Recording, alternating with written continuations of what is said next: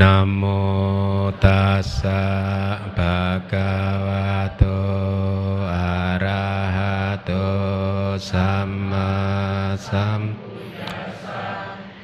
นะโมตัสสะภะคะวะโตอะระหะโตสัมมาสัมพุทธัสสะนะโม Tassa bhagavato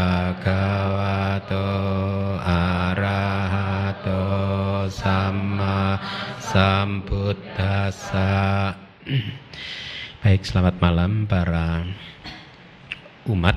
Ya kita bertemu lagi.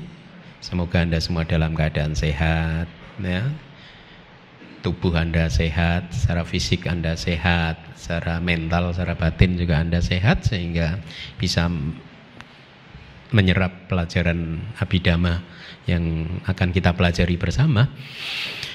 Uh, kita sudah banyak sekali ya mempelajari jenis-jenis kesadaran, jenis-jenis cita ya. Selama ini yang sudah kita pelajari adalah ada berapa?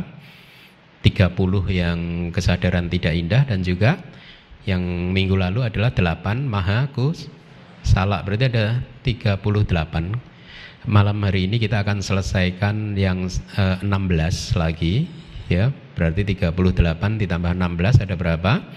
54 54 kesadaran yang rencana akan kita selesaikan malam hari ini juga. Secara teknis disebut sebagai kamawat cara sobana cita atau kesadaran indah lingkup indrawi ya. Saya harap Anda juga sudah paham kenapa disebut lingkup indrawi. Kenapa disebut kama wacara? Disebut kama wacara karena beberapa alasan. Salah satunya adalah bahwa kesadaran seperti ini yang 54 jenis kesadaran ini adalah jenis kesadaran yang eh, biasanya muncul di alam-alam lingkup indrawi. Ada berapa alam lingkup indrawi? 11 ya di dalam satu uh, sistem tata dunia ada 31 alam kehidupan. Uh, 11 dari 31 tersebut disebut alam lingkup indrawi. Ya karena apa? Karena para makhluk yang hidup di alam-alam ini benar-benar mengandalkan indera dan juga objek-objeknya. Ya seperti empat alam yang bawah, kemudian alam manusia dan juga enam alam dewa. Ya, nah e, minggu lalu kita sudah belajar maha kusala cita. Anda juga sudah harus paham maha kusala cita itu adalah jenis kesadaran yang melakukan karma baik ya jenis kesadaran yang melakukan kebajikan seperti berdana ya kemudian melatih sila dan lain sebagainya. Dan juga Anda juga harus paham bahwa maha kusala cita adalah jenis cita jenis kesadaran yang muncul di arus batin seseorang yang belum mengalami uh, pencerahan secara total ya yakni uh, para para makhluk yang selain para Buddha dan para arahat. Jadi jenis kesadaran mereka yang masih putut jana, yang belum tercerahkan, kemudian makhluk yang masih mencapai tingkat kesucian sotapana ya, kemudian sakadagami anagami itu mereka semua kalau melakukan karma baik mereka melakukannya dengan mahakusala cita tetapi kalau arahat atau Buddha berbeda. Jenis kesadarannya adalah nanti maha kirya ya di bagian akhir kita akan pelajari. Nah, poin-poin itu harus Anda ingat. Kemudian kenapa disebut kusala? Kenapa disebut baik? Anda ingat di kelas yang lalu sudah saya berikan definisinya. Salah satunya adalah disebut kusala karena secara mental apa? sehat. Ya jadi kalau kusala cita ini muncul, maha kusala cita ini muncul, batin kita sehat. Ya. Berbeda kalau aku salah cita muncul, batin kita tidak sehat. Ya, kalau loba mula cita, dosa mula cita, moha mula cita muncul, batin dalam keadaan tidak sehat. Secara mental sehat, secara moral kusala pantas dipuji. Yang memuji ya pasti orang bijaksana. Ya. Pada saat anda sedang bermurah hati pasti orang bijaksana akan memuji dengan mengucapkan sadu sadu sadu ya. Kalau anda sedang melakukan karma baik yang lain apa pun itu pasti orang bijaksana akan memuji dengan mengucapkan mungkin sadu sadu dan seterusnya.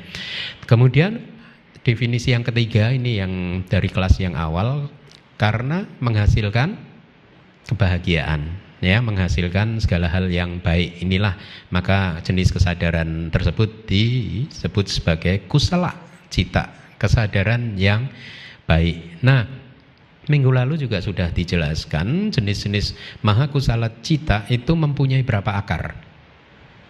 Ada yang tiga akar ada juga yang dua akar ya Tiga akar itu adalah jenis kesadaran yang nyana sampayuta atau berasosiasi dengan pengetahuan. Kemudian jenis kesadaran yang nyana wipayuta atau tidak berasosiasi dengan pengetahuan berarti kesadaran tersebut hanya mempunyai dua akar yaitu apa saja? Aloba dan dosa.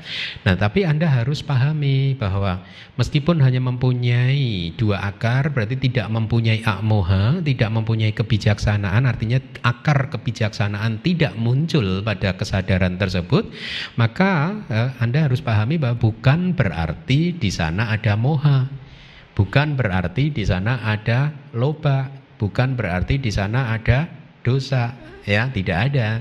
Loba dosa moha tidak eksis di jenis kesadaran yang tidak berasosiasi dengan pengetahuan atau dengan kebijaksanaan. Jadi ini poin-poin ini yang ingin hmm, anda harus kuat di dalam pemahaman ini ya. Nah mari kita lanjutkan kelas malam hari ini menyelesaikan uh, kama wacara sobana citang yang sebelumnya atau kesadaran indah lingkup indrawi dari Abhidhamata Sanggaha. Eh, mari kita baca bersama-sama. Jenis kesadarannya sebenarnya sama dengan yang lalu tetapi yang membedakan nanti kalimat yang terakhirnya itu ya. Mari kita baca.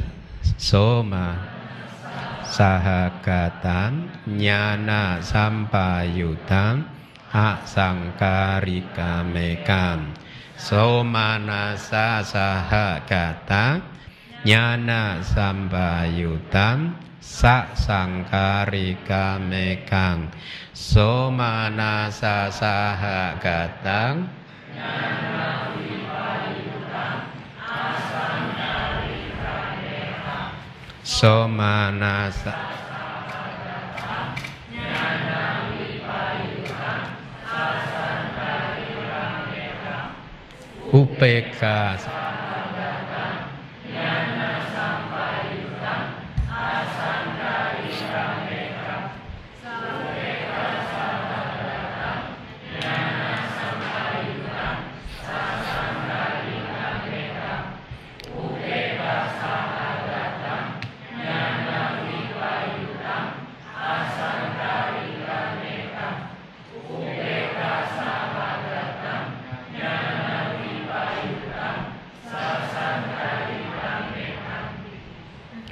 Kemudian bahasa Indonesianya, mari kita baca lagi. Satu,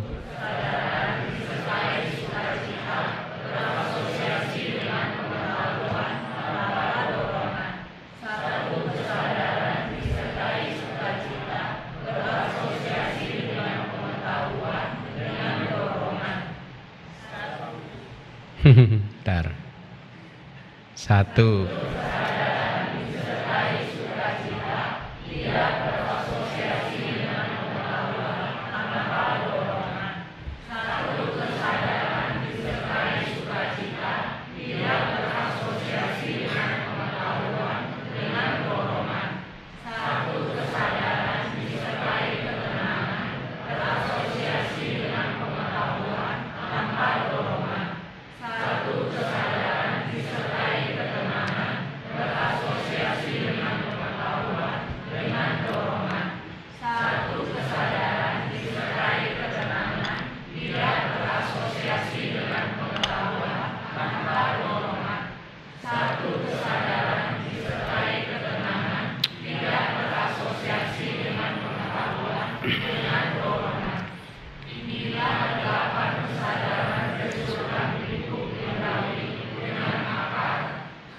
Ya, cukup.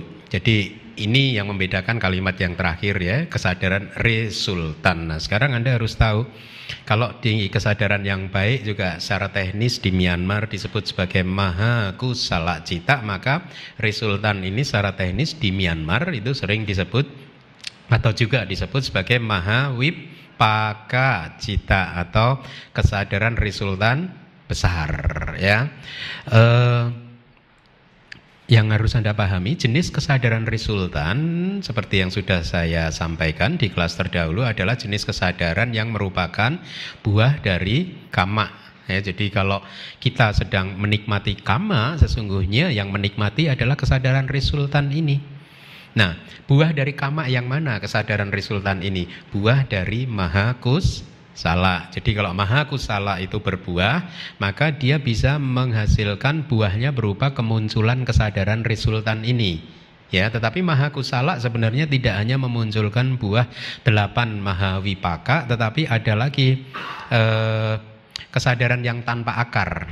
Anda ingat di kelas yang lalu kita sudah belajar kesadaran tanpa akar yang merupakan resultan dari kesadaran resultan yang baik itu ada berapa? Ada delapan yang tanpa akar ya, kesadaran mata, telinga dan seterusnya. Jadi eh, saya ulangi, karma, kama baik, kebajikan yang dilakukan oleh Maha Kusala Cita itu mempunyai potensi, mempunyai kemampuan untuk memunculkan buah berupa delapan Maha Wipaka Cita atau delapan Ahetuka Wipaka Cita yang Ahetuka uh, kusala wipaka cita. Ya ini kesadaran tanpa akar resultan yang baik ada delapan kan? Berarti kemungkinannya ada berapa? 16 ya. Kalau yang aku salah cita yang sudah kita pelajari 12 jenis kesadaran aku salah cita, kalau mereka berbuah ya sebagai karma buruk mereka berbuah, maka buahnya adalah berapa? 7 eh ahituka uh, sorry aku salah ah itu ke aku salah wipaka cita jadi kesadaran tanpa akar yang merupakan resultan dari eh, hal-hal uh, yang tidak baik ya atau ya resultan tidak baik. Nah jadi mudah sekali kan namanya sama ya yang membedakan hanya Anda harus bisa kalau misalkan di Myanmar itu ada soal ya pertanyaan-pertanyaan yang harus Anda jawab nah, maka Anda harus membedakan jawaban Anda itu dari jenis mahakusala atau mahawipaka kira-kira begitu ya. Nah, mari kita lihat penjelasannya ya. Kalau mahakusala cita itu muncul melalui perbuatan kebajikan, ya muncul melalui pintu-pintu karma. Ada berapa pintu kama? Ada tiga pintu kama, yaitu apa? Kaya kama duara, waci kama duara, dan mano kama duara atau pintu karma melalui tubuh, pintu karma melalui ucapan, ataupun pintu kama melalui pikiran. Nah ada tiga pintu atau mahakusala juga muncul melalui kama itu sendiri pada saat dilakukan dan juga ada keunggulan. Nah, ini Anda belum belajar adipati ya syarat literal itu berarti raja ya. Ada empat adipati itu tentang cetasika yaitu nanti di bab e, kedua setelah bab pertama ini Anda belajar adipati ya. Kalau untuk saat ini Anda belum paham apa itu adipati jangan khawatir tapi buat Anda yang sudah pernah belajar adipati saya refresh memori Anda ada empat jenis adipati yaitu canda adipati, wirya adipati, kemudian cita adipati dan wimangsa adipati. Hasrat yang menjadi raja, kemudian energi yang menjadi raja artinya menguasai segalanya nanti kalau dia hasrat itu menjadi raja dia akan menguasai semua cita dan cetasika dan juga uh, ya faktor-faktor mental yang muncul, kemudian energi pun bisa menjadi raja yang menguasai semuanya, kemudian cita itu sendiri bisa menjadi raja dan wimangsa atau investigasi ya. Nah, tetapi tidak demikian dengan Mahawipaka ya. Mahawipaka tidak muncul melalui berdana. Ya, paham ya? Menjaga sila, kemudian apa? bawana dan kemudian apa ada 10 jenis kebajikan yang sudah Anda pelajari. Kemudian kenapa Mahawipaka ini? Karena dia tidak memunculkan dua isyarat. Nah, ini menarik. isyarat ini mungkin akan saya apa uh, jelaskan terlebih dahulu. Winyati ada dua winyati yaitu isyarat tubuh dan juga isyarat batin. Uh, sorry, ya isyarat uh, sorry bukan batin waci ucapan ya. Uh, dua jenis isyarat ini sebenarnya adalah dua jenis rupa.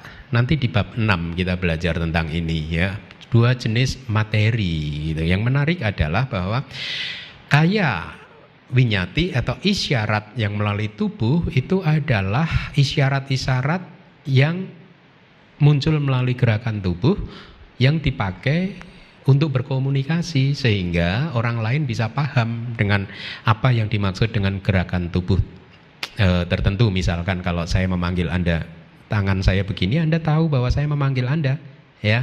Tetapi kemudian coba Anda renungkan apa yang membuat tangan ini bergerak seperti ini. Hmm? Yang membuat bergerak adalah menurut Abhidhamma pada saat pikiran saya, batin saya, cita dan cetasika saya berpikir tentang saya ingin memanggil Anda, ya. Pikiran seperti itu memunculkan satu jenis materi tertentu atau rupa materialitas tertentu, ya. Nanti yang paling kecil itu ada komponen yang paling kecil itu ada delapan jenis materialitas yaitu padawi, datu, apo, tejo, wayo, datu, elemen tanah, air, api dan angin, kemudian warna, ganda, rasa, ojak, warna, ya, kemudian aroma, bau, ya, kemudian rasa, e, rasa yang kita nikmati melalui lidah dan juga oja atau e, sari-sari makanan, ya. E, delapan ini ya akan muncul. Ya, ini yang dibentuk sebagai apa? Uh, delapan akwini boga itu adalah gugusan terkecil dari satu satu rupa kelapa ya. Nah, salah satunya ada elemen angin, elemen udara. Pada saat saya ingin memanggil Anda dengan menggunakan isyarat tubuh, maka pikiran saya saya ingin memanggil Anda memunculkan memproduksi elemen-elemen angin sedemikian rupa sehingga elemen angin ini bisa membuat tangan saya bergerak seperti ini, kemudian telapak tangan saya bergerak seperti ini. Ini karena produksi dari elemen angin yang merupakan materi yang muncul atau diproduksi oleh cita. Menarik ya? Nanti di bab ke-6 Anda belajar ini. Jadi pikiran kita, cita kita ini memproduksi jenis-jenis materi tertentu, jenis rupa tertentu, termasuk dalam hal ini adalah memproduksi elemen udara, elemen angin, sehingga telapak tangan saya bergerak. Ya, karena cita saya memproduksi angin sedemikian rupa sehingga bergerak dan Anda paham bahwa saya sedang memanggil Anda. Ya, nah Isyarat yang kedua adalah waci winyati atau isyarat ucapan. Semua kata-kata saya ini adalah isyarat ucapan. Ya, tetapi bagaimana kata-kata ini bisa diproduksi di dalam abidama nanti akan dibahas ya. Yang memproduksi kata-kata ini adalah tadi pada saat cita ingin mengucapkan kata abidama di dalam cita kita dan cetasika mengucapkan kata abidama, maka dia memproduksi jenis materi yang tadi sudah saya sebutkan, ya, yang diproduksi oleh cita, ya, e, tetapi bukan elemen udara yang yang yang superior, tetapi elemen tanah, gitu. Elemen tanah kan karakteristiknya keras, ya. Pada saat elemen tanah yang diproduksi oleh pikiran tadi, oleh cita tadi, oleh kesadaran, ya, kemudian diproduksi dia berbenturan dengan elemen tanah yang eh, diproduksi oleh karma masa lalu, gitu, upadina kama, ya, yang menjadi objek kemelekatan kita, yang eh, menjadi, ya, jenis materi yang diproduksi oleh kama masa lalu. Dia berbenturan Ya, karena elemen ini keras lihat aja kalau dia berbenturan kan bunyi. Ya, tetapi dalam hal suara ini abidama elemen tanah yang dibentuk atau diproduksi oleh cita berbenturan dengan elemen tanah yang diproduksi oleh kama akhirnya menghasilkan suara abidama. Kira-kira seperti itu. Ya, jadi Mahawipaka tidak menghasilkan dua winyati ini tetapi Mahakusala menghasilkan. Paham ya? Mahakusala Kesadaran yang baik itu menghasilkan winyati ini. Pada saat misalkan Anda mau berdana kan Anda mengangkat tangan ya kemudian menyerahkannya dan mengucapkannya saya persembahkan dana ini kepada sangga. Ya ada dua winyati dua isyarat itu diproduksi oleh maha kusala tetapi dalam hal maha wipaka dia tidak menghasilkan dua jenis isyarat tadi ya. Kenapa? Karena dia simply semata-mata hanyalah buah dari kama saja ya mereka tidak muncul melalui berdana tidak menyebabkan munculnya dua isyarat dan secara alamiah mereka tidak memproduksi hasil karena mereka bukan kama, mereka adalah hasil dari kama ya. Mereka juga tidak muncul karena hasrat dan lain-lain. Jadi ini adalah jenis kesadaran yang harus muncul karena efek dari apa yang kita lakukan di masa lalu ya. Nah, eh, tadi pada saat nih kita kembali lagi tentang isyarat suara, isyarat ucapan. Pada saat cita ini berpikir, saya ingin mengucapkan abidama, ya, pikiran tadi sudah menghasilkan jenis-jenis suara tadi tetapi tidak bisa didengar oleh telinga. Menarik ya? Ada loh penjelasan seperti itu di kitab komentar. Pada saat kita ingin mengucapkan abidama, dia akan memproduksi inisial apa suara tadi tetapi yang tidak bisa didengar oleh telinga, hanya bisa didengar oleh batin. Kira-kira paham nggak? Anda saat ini bisa mengucapkan abidama di dalam hati Anda tanpa didengar telinga Anda loh. Ya, setelah itu prosesnya sangat cepat sekali dia memproduksi elemen tanah berbenturan akhirnya keluar melalui sini abidama. Ya, beginilah abidama sangat detail penjelasannya ya. Makanya di kemarin saya sampaikan kalau Anda ingin menikmati kelas abidama ini sampai selesai bab terakhir nanti ya, Anda benar-benar harus paham bab-bab awal ini ya nama cita ini harus Anda hafalkan benar-benar. Nah, eh, disertai dengan sukacita atau ketenangan sama ya jenis dua jenis perasaan itu muncul karena sesuai objeknya saja ya. Bisa objek yang menyenangkan atau objek yang biasa-biasa saja. Kemudian dia memunculkan jenis perasaan yang terkait kemudian berasosiasi dengan pengetahuan atau tidak berasosiasi. Ini jenis uraian dari maha wipaka ya atau kesadaran resultan besar ya. nah maha wipaka ini mempunyai empat fungsi jadi nanti di bab ketiga Anda juga belajar bahwa semua cita itu mempunyai fungsinya sendiri-sendiri. Mereka harus punya fungsi karena memang pada hakikatnya semua jenis cita atau kesadaran yang muncul dia muncul kenapa sih dia muncul? Karena dia harus melakukan fungsinya, melaksanakan fungsinya sampai selesai dan kemudian dia lenyap ya. Nah, dalam hal empat uh, sorry maha wipaka cita atau kesadaran resultan besar ini juga dia muncul untuk melakukan fungsinya. Nah, ada empat fungsi dari maha wipaka yaitu yang pertama dia berfungsi sebagai pati sandi atau pati sandi winyana kesadaran penyambung kelahiran kembali. Jadi Mahawipaka ini pada saat dia berfungsi sebagai pati sandi kesadaran penyambung kelahiran kembali seperti namanya sudah bisa uh, dengan mudah kita pahami ini adalah jenis kesadaran kita semua yang pertama kali muncul di kandungan mamah kita. Dulu pada saat kita masuk ke kandungan mama kita, secara abidama, jenis cita pertama yang muncul adalah patik sandi, yakni mahawipaka ini.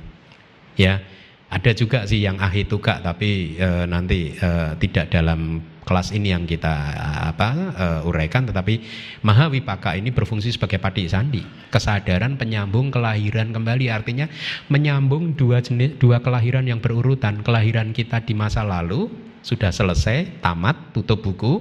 Kemudian bukunya chapter new chapter buka lagi. Lahir lagi kita di alam manusia ini. Nanti pun harus tutup buku lagi Nah, yang menyambung ke kehidupan selanjutnya, yang menyambung dua jenis kehidupan ini, jenis cita yang disebut padik sandi, ya kesadaran penyambung kelahiran kembali. Dia hanya muncul sesaat saja di dalam kehidupan ini. Dia muncul hanya satu saat saja. Dia muncul kemudian lenyap cepat sekali. Tetapi jenis yang sama ini pada saat berikutnya dia muncul lagi dan mempunyai nama yang berbeda yang disebut bawangga bawa angga uh, poin faktor dari kehidupan. Ya ini apa yang mempertahankan kehidupan. Bawangga ini adalah jenis cita yang pasif, ya. Patik sandi bawangga. Mereka mempunyai objek yang sama, yaitu objek dari kehidupan masa lampau, ya. Nah, dia mempertahankan kehidupan sehingga arus arus batin kita itu tidak terputus. Ya pada saat tidak ada objek yang masuk ke panca indera dan juga tidak ada objek yang masuk ke e, mano duara batin hati kita, maka arus kesadaran kita yang seperti sungai mengalir dengan sangat cepat sekali itu dia jatuh ke bawangga. Ya.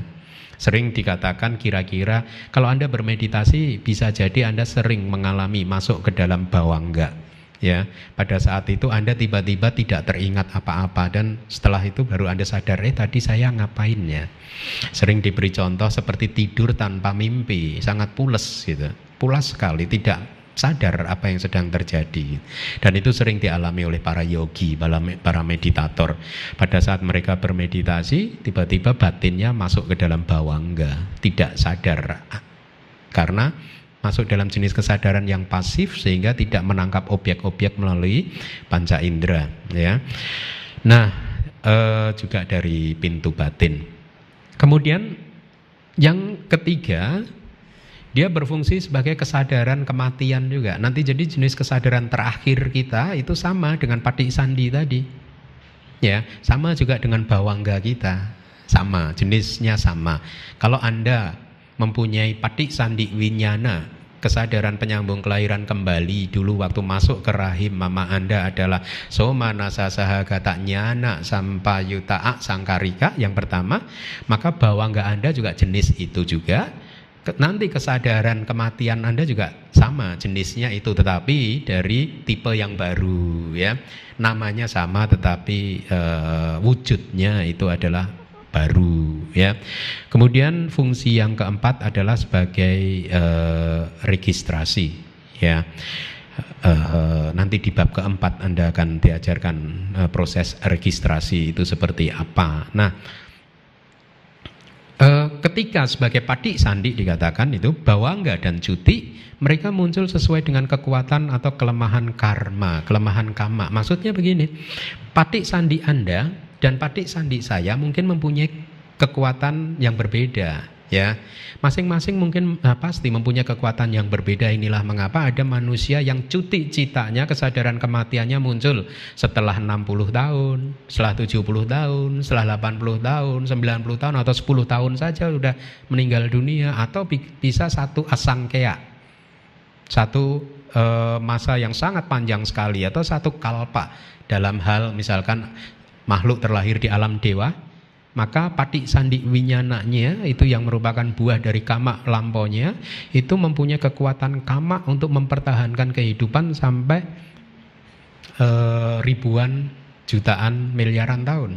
Dalam hal manusia kita mempunyai batas mungkin 80 tahun atau mungkin 100 tahun batas maksimalnya ya. Nah e, mari kita lanjutkan yang keempat tadi saya katakan sebagai registrasi, mereka biasanya muncul sesuai dengan jawana meskipun kadang juga sesuai dengan kama yang memproduksinya. Untuk bab pertama kalau Anda tidak paham tidak masalah, tetapi buat Anda yang tertarik ingin tahu apa itu Anda boleh membuka kitab Abhidhamma Sanggaha bab keempat. Ya. Mari kita lihat eh, tadara mana sebenarnya registrasi ini kita sudah bertemu di tabel yang lalu yang eh, dibagikan di kelas-kelas awal.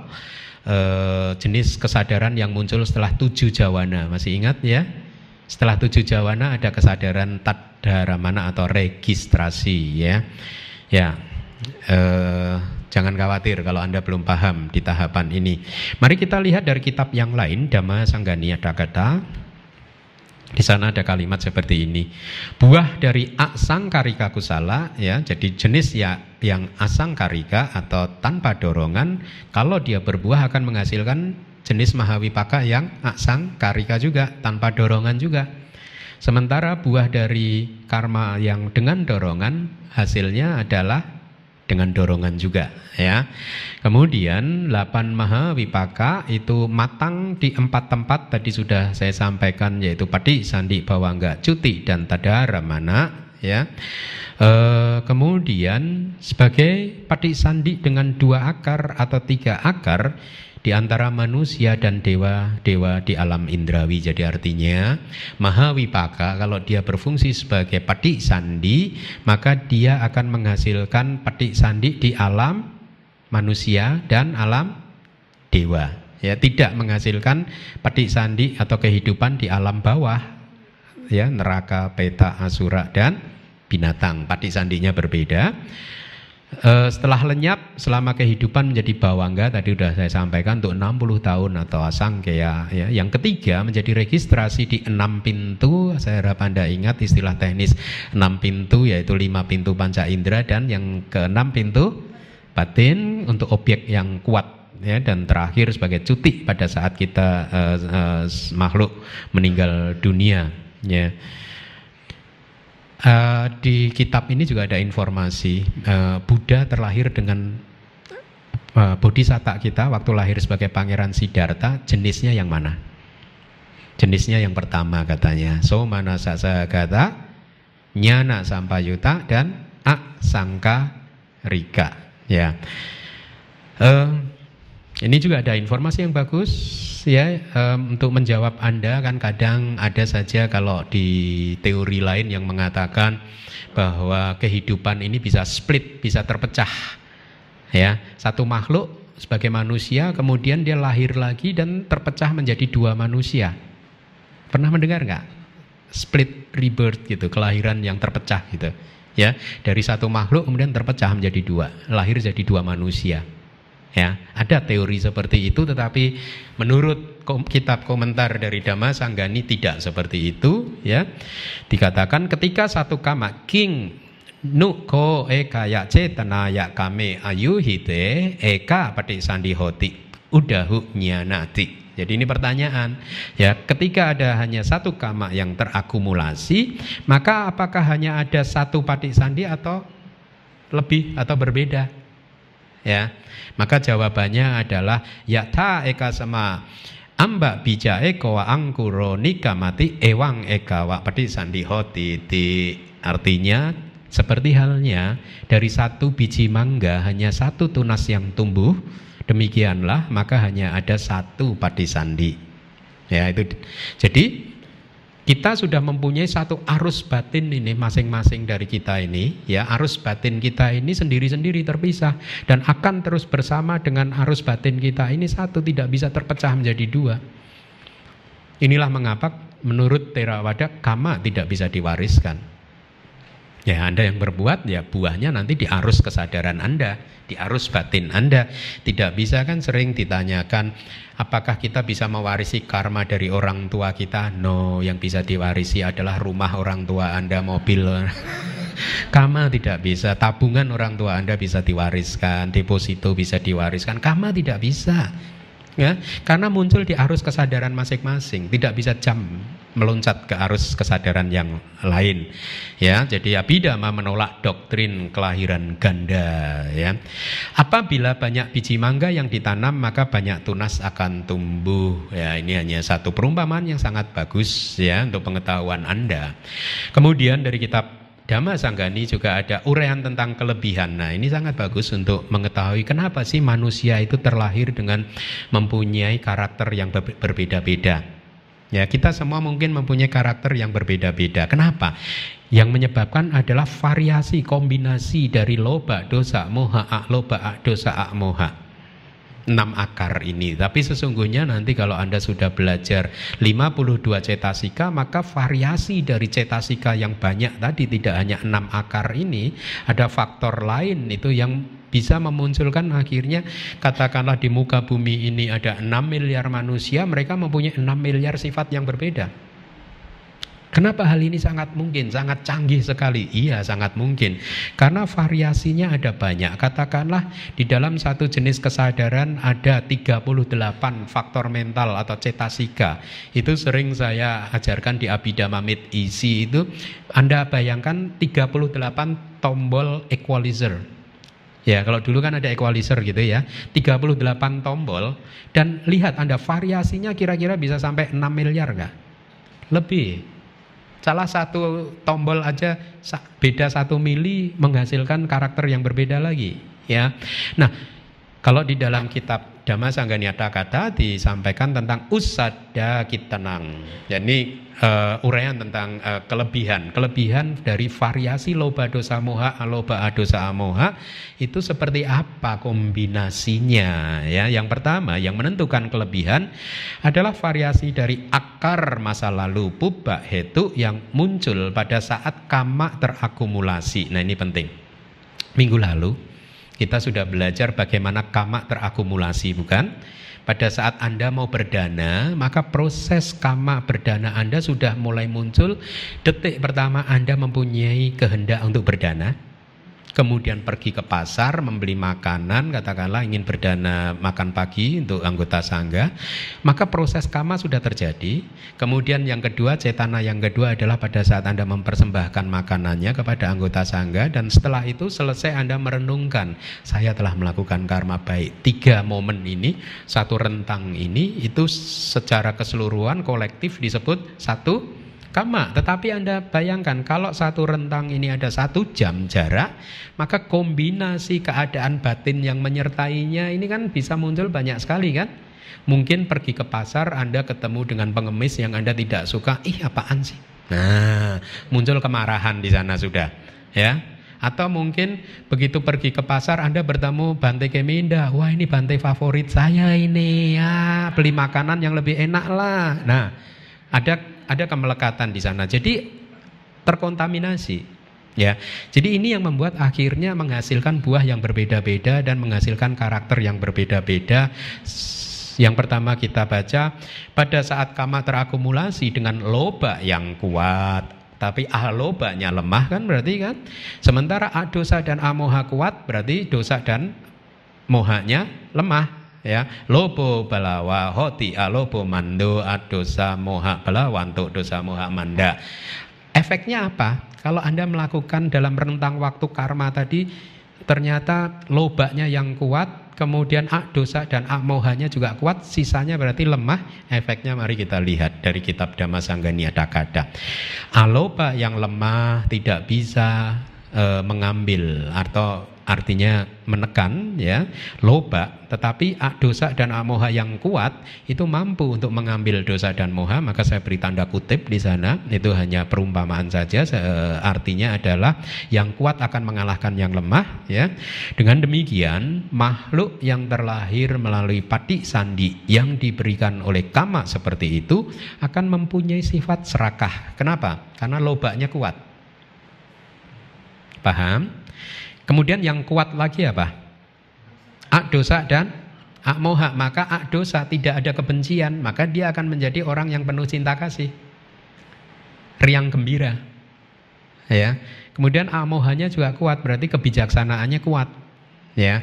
Jadi riang gembira, hatinya tenang karena bijaksana, cerdas dan kebijaksanaannya seperti berlian atau wajiru pama e, nyano ya wajiru pama wajira upama seperti berlian nyano kebijaksanaan orang yang mempunyai kebijaksanaan seperti berlian ya itu variasi yang pertama. Mari kita lihat variasi yang kedua. Jadi pengetahuan ini sangat bagus supaya anda menjadi semakin berhati-hati sekarang kalau mau melakukan kama baik ya.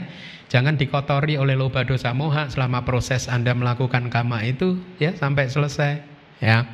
Supaya buahnya maksimal. Kemungkinan yang kedua, apabila loba dan dosa kuat, berarti aloba dan adosanya lemah, sementara akmohanya kuat dan moha lemah, maka kama tersebut kalau berbuah menghasilkan kelahiran akan melahirkan satu makhluk yang terlahir tidak serakah, ya. Ter, oh, sorry terlahir serakah karena loba dan dosa kuat berarti dia jahat tidak ramah. Ada kan orang yang manusia yang tidak ramah kan ada kan yaitu mungkin karena ke, dari masa lalunya waktu kamaknya itu memproduksi padi sandi winyana kamak yang memproduksi adalah dari jenis pada saat berdana ngelihat pengemis marah-marah tadi hmm? Udah tahu mau berdana, kamu ngapain sih di sini ngotor-ngotorin aja, maaf. kan bisa saja seperti itu ya. Jadi lihat, dengan mempelajari abidama Anda makin hati-hati karena Anda makin paham dengan pergerakan batin Anda. Ya. Seharusnya kalau ada pengemis, untung ada pengemis, ada objek untuk berdana. Ada objek untuk memancarkan cinta kasih, ya. Bukan malah demi berdana Anda Anda kemudian menyakiti makhluk yang lain yang Anda tidak sukai ya. E, tetapi karena akmo hanya kuat maka dia cerdas. Orangnya pemarah tapi cerdas ya. Serakah tapi cerdas dan mempunyai kebijaksanaan yang seperti berlian. Artinya pengetahuan. Cerdas bukan berarti dia bijaksana. Orang bijaksana bukan pemarah pasti. Ya, tapi istilah nyana itu bisa dia gampang untuk belajar Tripitaka mudah tapi pemarah tetap pemarah itu ya. Uh, yang berikutnya apabila loba dan mohanya yang kuat kemudian yang lainnya lemah maka dia terlahir penuh nafsu, bodoh tetapi penuh cinta kasih dan lembut. Paham ya logikanya ya? Kenapa penuh cinta kasih? Hah? Karena yang kuat hanya loba dan moha berarti sisanya Nah, dosanya lemah kan berarti kan? Kalau dosanya lemah berarti kebenciannya lemah berarti yang lainnya yang yang tanpa kebencian ah, dosanya kuat. Ya. Kemudian variasi yang lain apabila LDM-nya kuat, loba dosa moha dan yang lainnya lemah, maka dia terlahir serakah, penuh kebencian serta bodoh. Ada kan? Udah lahir jadi manusia, untung kan? Tapi udah serakah, pemarah, bodoh lagi. Ada kata-kata begini, sangat sulit untuk berdebat dengan orang cerdas. Betul nggak? Sulit nggak kalau kita berargumen dengan orang cerdas? Tapi lebih sulit lagi berargumen dengan orang bodoh. Katanya begitu. Mari kita lanjutkan. Apakah apabila yang kuat adalah loba, dosa dan moha, sementara loba, dosa dan moha lemah, maka dia mempunyai sifat tidak serakah, tidak penuh nafsu dan tidak kehilangan kendali. Bahkan pada saat melihat objek surgawi, ini hanya istilah, tetapi Uh, dia tidak penuh nafsu ya masih uh, terkendali tapi dia penuh kebencian dan tidak cerdas ya uh, yang berikutnya Apabila aloba, dosa dan amohanya kuat, yang lainnya lemah, maka dia terlahir tidak serakah, cerdas tetapi penuh kebencian.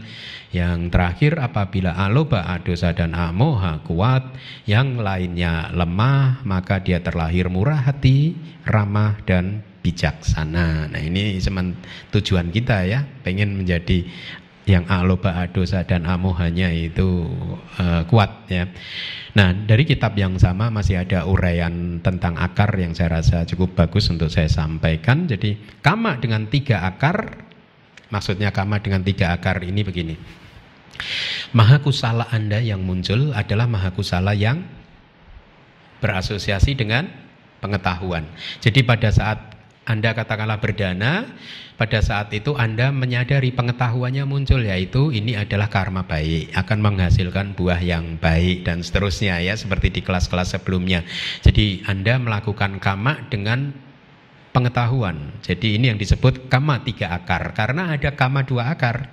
Kama baik dua akar yaitu kama baik yang seperti kemarin Anda lakukan hanya ikut-ikutan saja tidak punya pengetahuan kenapa harus berdana dan lain sebagainya ya.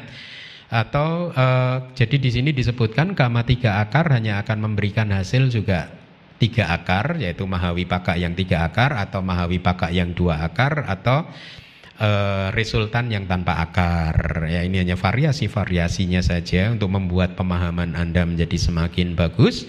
Kemudian kama dua akar tidak memberikan hasil yang tiga akar jadi kalau Anda melakukan kama tanpa pengetahuan jangan berharap nanti mahawipakanya juga yang tiga akar ya. Tapi dia akan memberikan hasil yang lainnya yaitu yang dua akar dan juga yang tanpa akar. Asang karika kusala akan memberikan hasil asang karika atau sak sangkarika. Sak sangkarika memberikan hasil sak sangkarika atau asangkarika. Ini agak berbeda tadi dengan yang sebelumnya. Perasaan juga bisa berbeda-beda, maka eh, sangat tergantung pada objeknya. Jadi lihat perasaan Anda itu muncul juga masih dikendalikan oleh objek. Ya kalau objeknya menyenangkan perasaan yang muncul apa? Somanasa. Kalau objeknya tidak menyenangkan yang muncul apa? Domanasa ya. Tapi seorang arahat sudah tidak lagi dikendalikan oleh objek. Ya. Nah, eh, Anda harus bisa apa menganalisa ini karma tiga akar. Kama tiga akar, berarti maha kusala tiga akar. Kalau berbuah dia menghasilkan variasinya berapa jenis wipaka cita? Hah? 16 kan? 8 yang maha wipaka dan 8 yang tanpa akar ya. Kalau yang kama dua akar dia menghasilkan berapa variasi wipaka cita? Delapan yang ahituka cita dan juga empat yang maha wipaka berarti dua belas. Kira-kira begitu Anda harus e, merenungkannya ya. Kalau di bab kelima nanti Anda juga akan belajar tentang kama. Di sana akan dijelaskan secara e, lebih uh, apa detail lagi di uh, di kama kita di bab kelima dibedakan menjadi ukata atau kama yang superior dan o maka kama yang inferior itu. Kama superior itu adalah kama yang dari awal sampai akhir batin kita murni. Karma yang inferior itu adalah selama proses melakukan kama baik terkotori dengan loba dosa moha seperti tadi dalam uh, cerita anda seseorang mau berdana kemudian bertemu dengan pengemis dan dia marah ya. ya. Mari kita lanjutkan lagi. Anda tentu sering mendengar kata ini kama niyama ya atau uh, hukum yang tetap yang sudah pasti yang berkaitan dengan kama ya. Kama niyama yang lain ya selain yang tadi yang sudah disampaikan tiga akar menghasilkan tiga akar dua akar dan seterusnya itu kama niyama maka yang lain adalah hasil kama itu persis sama dengan kama yang diperbuat. Ya eh, jadi variasinya. Kadang apa yang anda lakukan itu buahnya persis sama nanti anda terima. What goes around comes around. Sama. Anda melakukan A buahnya juga A itu persis sama ya. Uh, ada tiga cerita di dalam kitab ini. Yang pertama ini seekor burung gagak yang mati terjerat lehernya oleh sekumpulan jerami yang terbakar. Jadi ada seekor burung gagak. Dia terbang ya di angkasa sana tinggi sekali. Kebetulan di bawah ada orang yang sedang membakar jerami. Dan dari jerami yang terbakar ini ada sebagian jerami yang terbang tinggi ke angkasa dan tiba-tiba mengena leher gagak burung gagak tadi. Dia terbelit oleh uh, jerami yang terbakar akhirnya dia menjerit-jerit kesakitan jatuh ke bumi mati. Ya. Kemudian pada saat uh, apa uh, cerita ini disampaikan oleh murid Buddha Buddha menjawab pada waktu itu Buddha masih di Jetawana uh, Wihara Cetawana, Buddha menjawab bahwa burung gagak tersebut mati bukan karena perbuatan orang lain meskipun dia sudah tinggi di angkasa sana gitu. Tetapi dia mati karena perbuatan dia sendiri. Kenapa? Karena di masa lalu burung gagak ini di kehidupan sebelumnya sebelum-sebelumnya salah satunya dia terlahir sebagai laki-laki hidup di desa, kemudian dia mempunyai seekor lembu, ya pada suatu hari entah kenapa lembu ini kesetanan, ya, dan dia tidak mampu menundukkan lembu yang kesetanan ini. Akhirnya apa untuk menundukkannya? Dia mengikatkan sekumpulan jerami di leher lembu tersebut dan kemudian dibakar sama dia, karena dia mau apa? Maksudnya sih supaya lembu tersebut tidak merusak ya dia habisin lembu tersebut ya dan akhirnya lembu itu mati. Lihat ini cerita ini yang menjelaskan Buddha. Jadi kalau kita mempunyai sadda maka kita harus juga meyakini bahwa hal seperti inilah sebenarnya cara bekerjanya hukum kama apa yang dilakukan kadang bisa berbuat persis sama ya jadi dikatakan kalau di Dhammapada kan ada kan uh, syairnya uh, meskipun seseorang udah bersembunyi di langit, di samudra dan di gua, tetap aja kamaknya itu kalau harus berbuah dia akan menanggungnya juga, ya. E, kemudian cerita yang kedua adalah tentang istri seorang kapten kapal yang ditenggelamkan di laut, ya, dengan mengikat satu karung pasir di lehernya. Jadi cerita ini seperti ini. Ada satu kapal sedang berlayar di tengah samudra tiba-tiba kandas ya. Pada saat kandas lama sekali e, mereka berusaha berjuang untuk mengatasi kesulitannya. Dikatakan ada beberapa anak buah kapal yang jatuh dalam tangan e, istri dari kapten kapal ya dalam tanda kutip. Biku itu kan kosakatanya terbatas ya beberapa anak buah kapal jatuh ke tangan istri eh, mungkin satu-satunya perempuan yang ada di kapal tersebut. Dan yang lain tidak happy tidak suka melihat kejadian seperti ini komplain. Ini pembawa sial kira-kira seperti itu. Ini daripada seluruh man, apa kita yang ada di kapal ini nanti malah mengalami kesialan. Lebih baik wanita ini yang dibuang aja gitu. Ya dibunuh aja gitu. Tapi sang kapten Uh, setuju, tapi dia tidak tega kalau dibunuh nanti dia terapung-apung ya di dalam ceritanya seperti itu. Maaf kalau agak horor ceritanya. Akhirnya kaptennya mengusulkan tubuhnya diikat dengan karung pasir aja supaya tenggelam.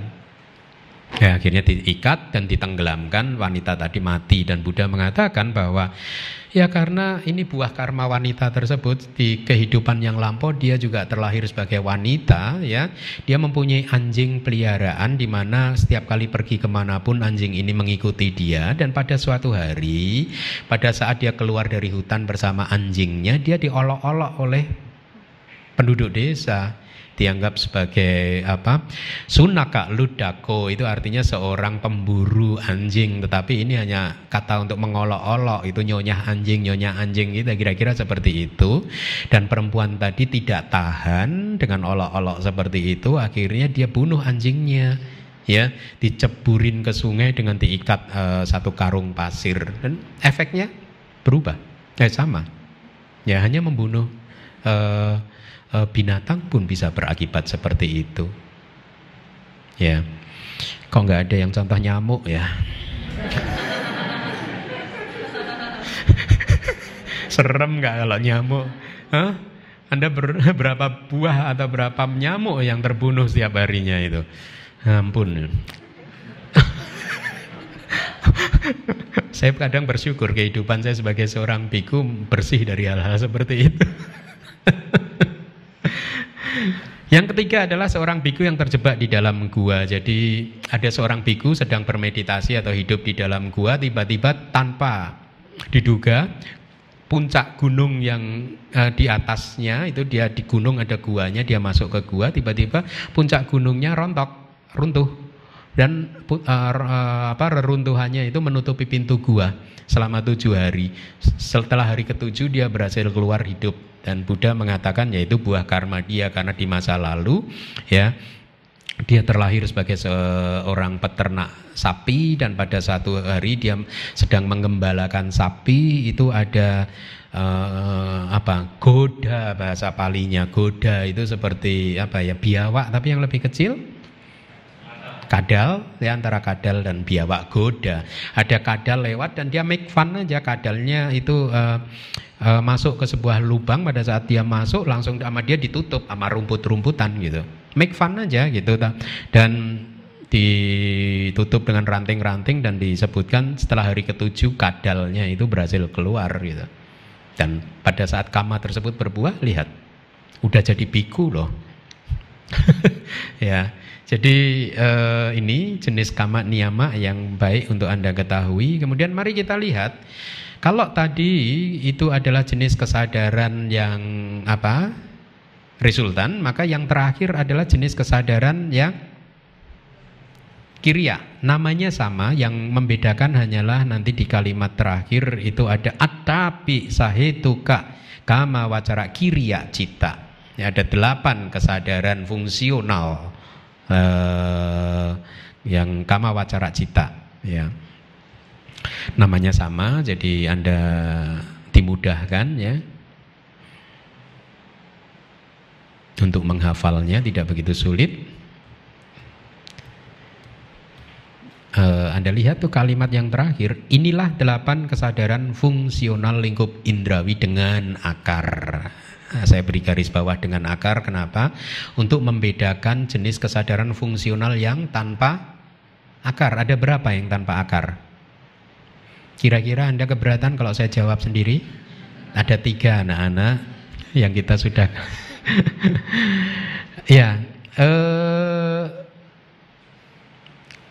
Anda masih ingat kenapa disebut kesadaran fungsional kiria dan sekarang anda bertemu dengan jenis kesadaran kiria atau fungsional ini adalah jenis kesadaran yang muncul di arus batin siapa?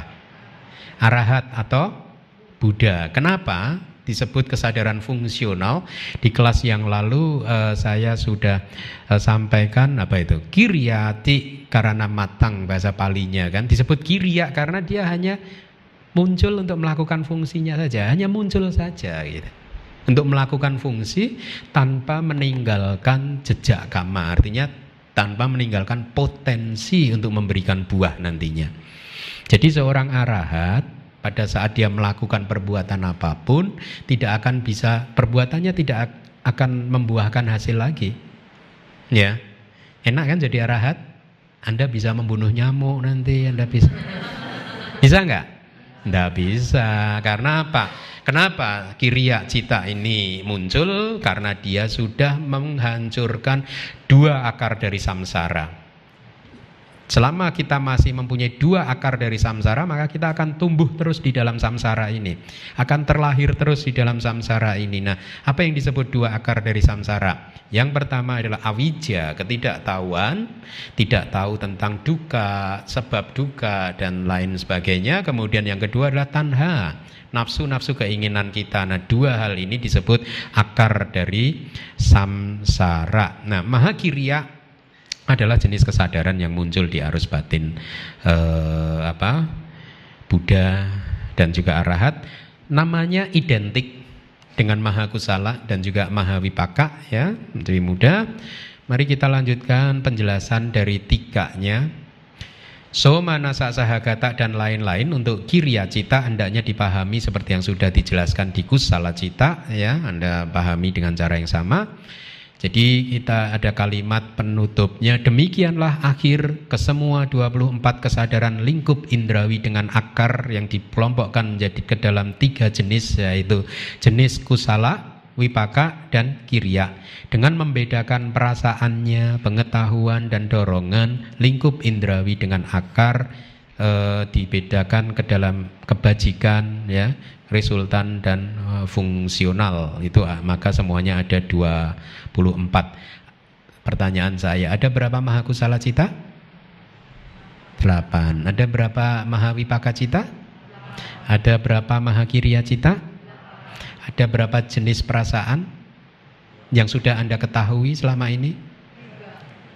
Tiga atau satu atau dua atau mama mama mama ada lima yaitu somanasa, domanasa, UPK, suka, duka. Ya, baik. Bagus, bagus.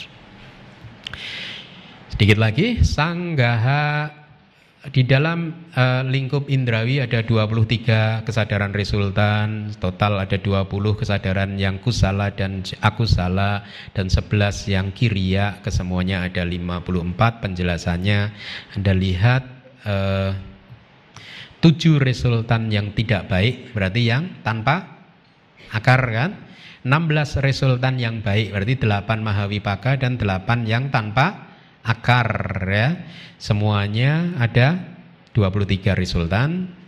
12 akusala cita dan 8 mahakusala cita maka ada 20 kesadaran yang kusala dan akusala Tiga yang tanpa akar dan delapan dengan akar. Artinya apa? Tiga ahituka kiriya cita? Fungsional yang tanpa akar dan delapan mahakiriya cita atau delapan kesadaran fungsional yang besar maka total ada 11 kesadaran kiria atau fungsional.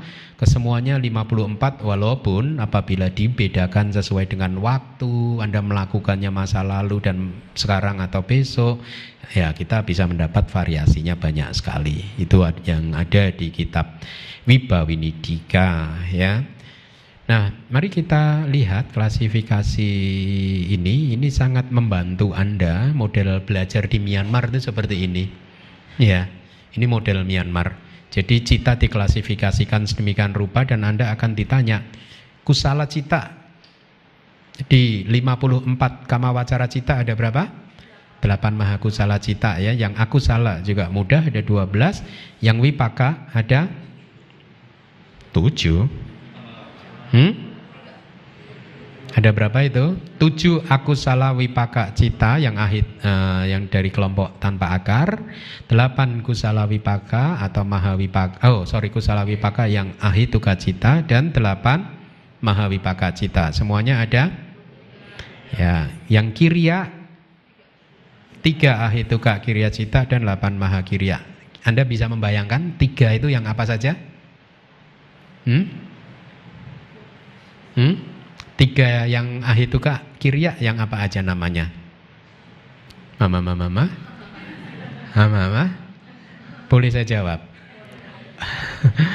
UPK sahagata panca duara wajana cita ya.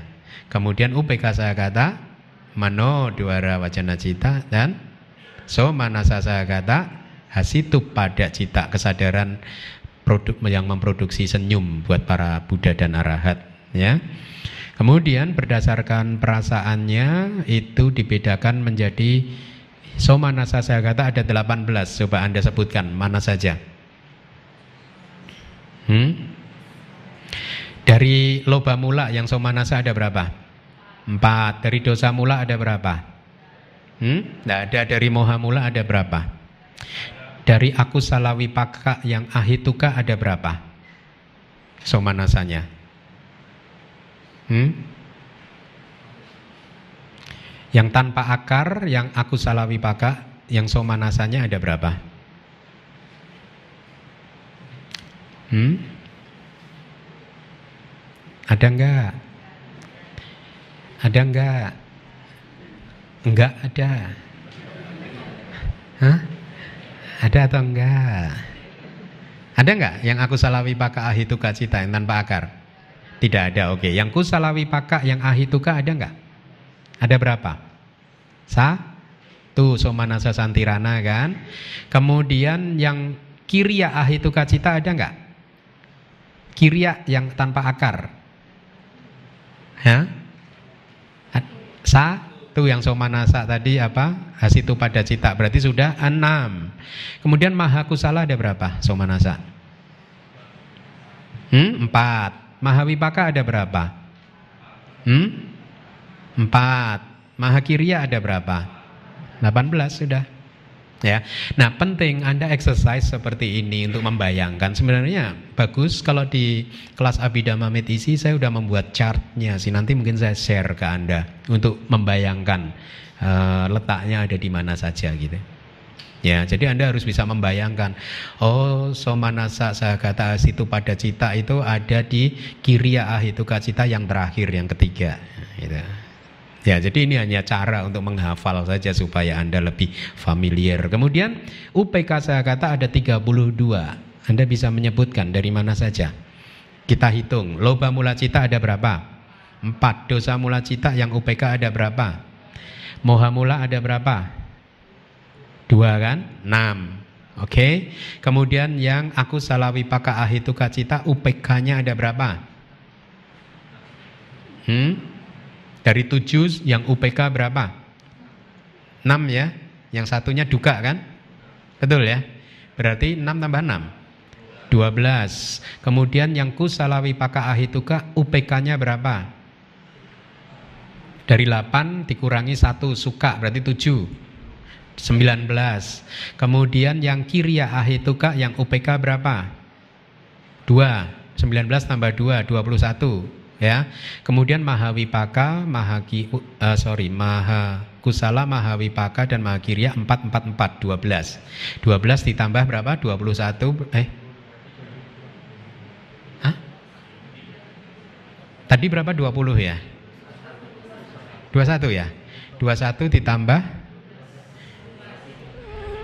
33 berarti kelebihan satu Anda harus cari lagi Loba mula empat, moha mula dua, betul enam kan? Dari up, uh, aku salah wipaka yang tanpa akar dari tujuh dikurangi satu enam, dua belas ya. dua belas kemudian yang kusalah wipaka yang dengan akar dari delapan dikurangi dua ya. Berarti ada enam ya. Betul, sorry. Tadi tuh dikurangin satu saja kan. Ini dikurangin dua yang soma nasa santirana dan suka saya kata kayak winyana kesadaran tubuh. Berarti 12 tambah 6, 18. Udah ketemu berarti 32. Ya. Doma nasa sagata ada berapa? Apa saja?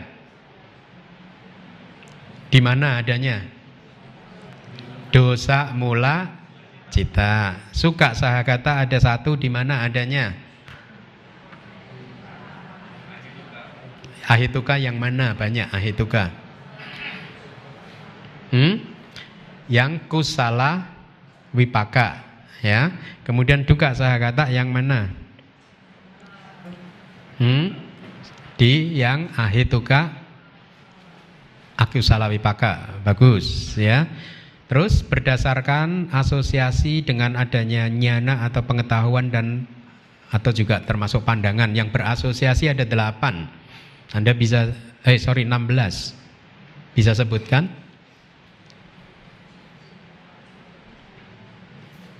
Hmm?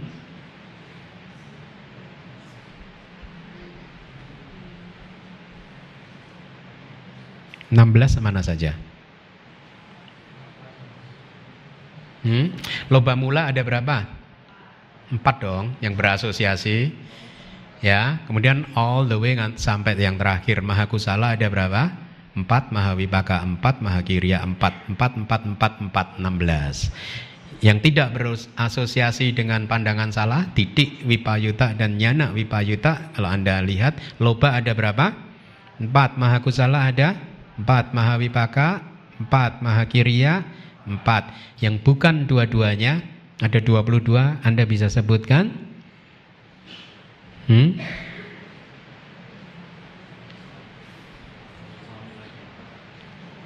Yang bukan dua-duanya berarti tidak berasosiasi dengan pandangan salah ataupun yang tidak ada nyana, dosa mula cita, moha mula cita, kemudian 18 ahe tuka, ya Ya, berarti sorry 2 2 18 kan 22 kan? Ketemu nggak? Ya. Dua dosa mula cita itu tidak ada asosiasi baik itu pandangan salah ataupun juga nyana atau pengetahuan. Dua moha mula cita juga sama tidak ada asosiasi pandangan salah ataupun pengetahuan berarti empat ditambah 18 ahituka cita berarti empat tambah 18 22 ya. Yang berdasarkan dorongan sekarang tanpa dorongan ada 17 Anda bisa sebutkan Loba mula ada berapa yang tanpa dorongan? 4 Dosa mula tanpa dorongan? Satu Lima Moha mula? Tidak ada Yang ahituka yang tanpa dorongan ada berapa? Mama-mama Nggak ada kan? Ya maha kusala Tanpa dorongan? Empat Mahawipaka Empat Mahakirya. Empat Lima tambah dua belas berapa anak-anak? Ketemu tujuh belas. Dengan dorongan berarti sisanya tadi mudah kan ya? Yang bukan keduanya sekarang.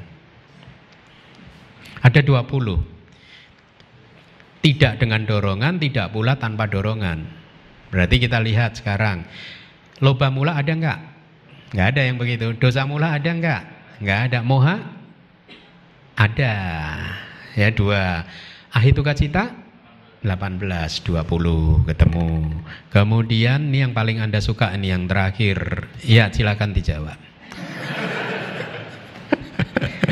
Baik, terima kasih.